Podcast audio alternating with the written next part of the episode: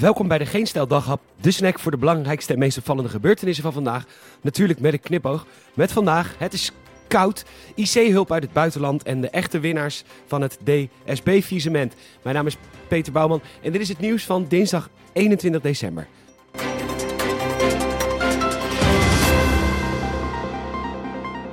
Nu.nl schrijft dat een thuiswerker komend jaar 2 euro onbelaste vergoeding kan krijgen. Dat besloten we te testen vandaag. Je raadt het al, de winterjas is aan, want na vier koffiecupjes koffie moest om precies te zijn om tien voor elf vanochtend de verwarming helemaal uit. En toen was ik zo stom geweest om al mijn werkservies te verzamelen en de afwasmachine aan te zetten. Nou ja, Bart, mijn werkgever, mag me een uh, tikkie sturen van 1,30 euro. Ah, daar heb je hem al. Experiment geslaagd. Gaat Otto Workforce ons uit de coronapandemie slepen? Nou, volgens de T zou dat best wel eens kunnen. De arbeidsbemiddelaar is op dit moment aan het onderhandelen met 200 Filipijnse IC-verpleegkundigen.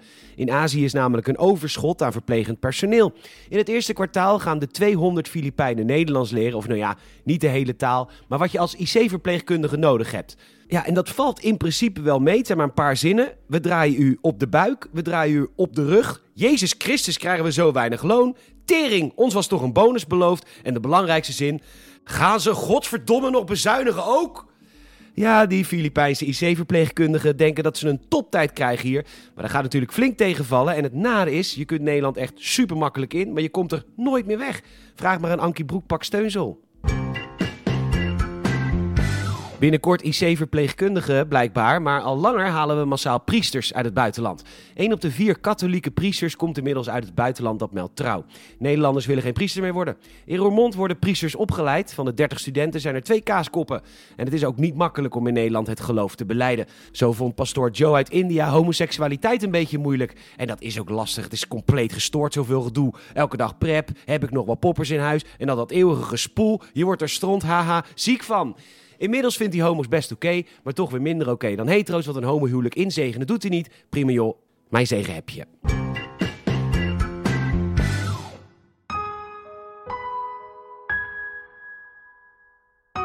Dit is Nick Kimman. Ooit was hij een held. Hij presteerde het bijna onmogelijke en veroverde het goud op de Olympische Spelen op zijn BMX. Dat is een soort fiets voor peuters zonder zijwieltjes en er rijden volwassen mensen op. Maar ondanks deze prachtige prestatie is hem iets vreselijks overkomen. Hij behaalde zijn succes in het jaar dat Max Verstappen kampioen werd. En dat gun je echt geen enkele sportman.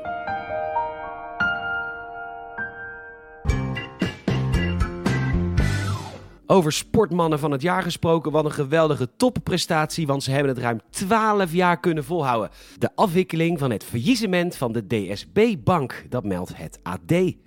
En wat een topprestatie van de curatoren. Die hebben het gepresteerd om ruim 12 jaar lang hun zakken te vullen. En het moet gezegd, er is zelfs nog 650 miljoen euro over. En alle schuldeisers zijn terugbetaald. Nou heb ik er niet voor gestudeerd. En ik verdien dan ook een stuk minder geld als die curatoren. Maar als alle schuldeisers zijn terugbetaald en er is nog steeds 650 miljoen euro over. Hoe slechte prutser kutondernemer moet Dirk Scheringa dan wel niet zijn geweest om zijn bedrijf failliet te laten gaan?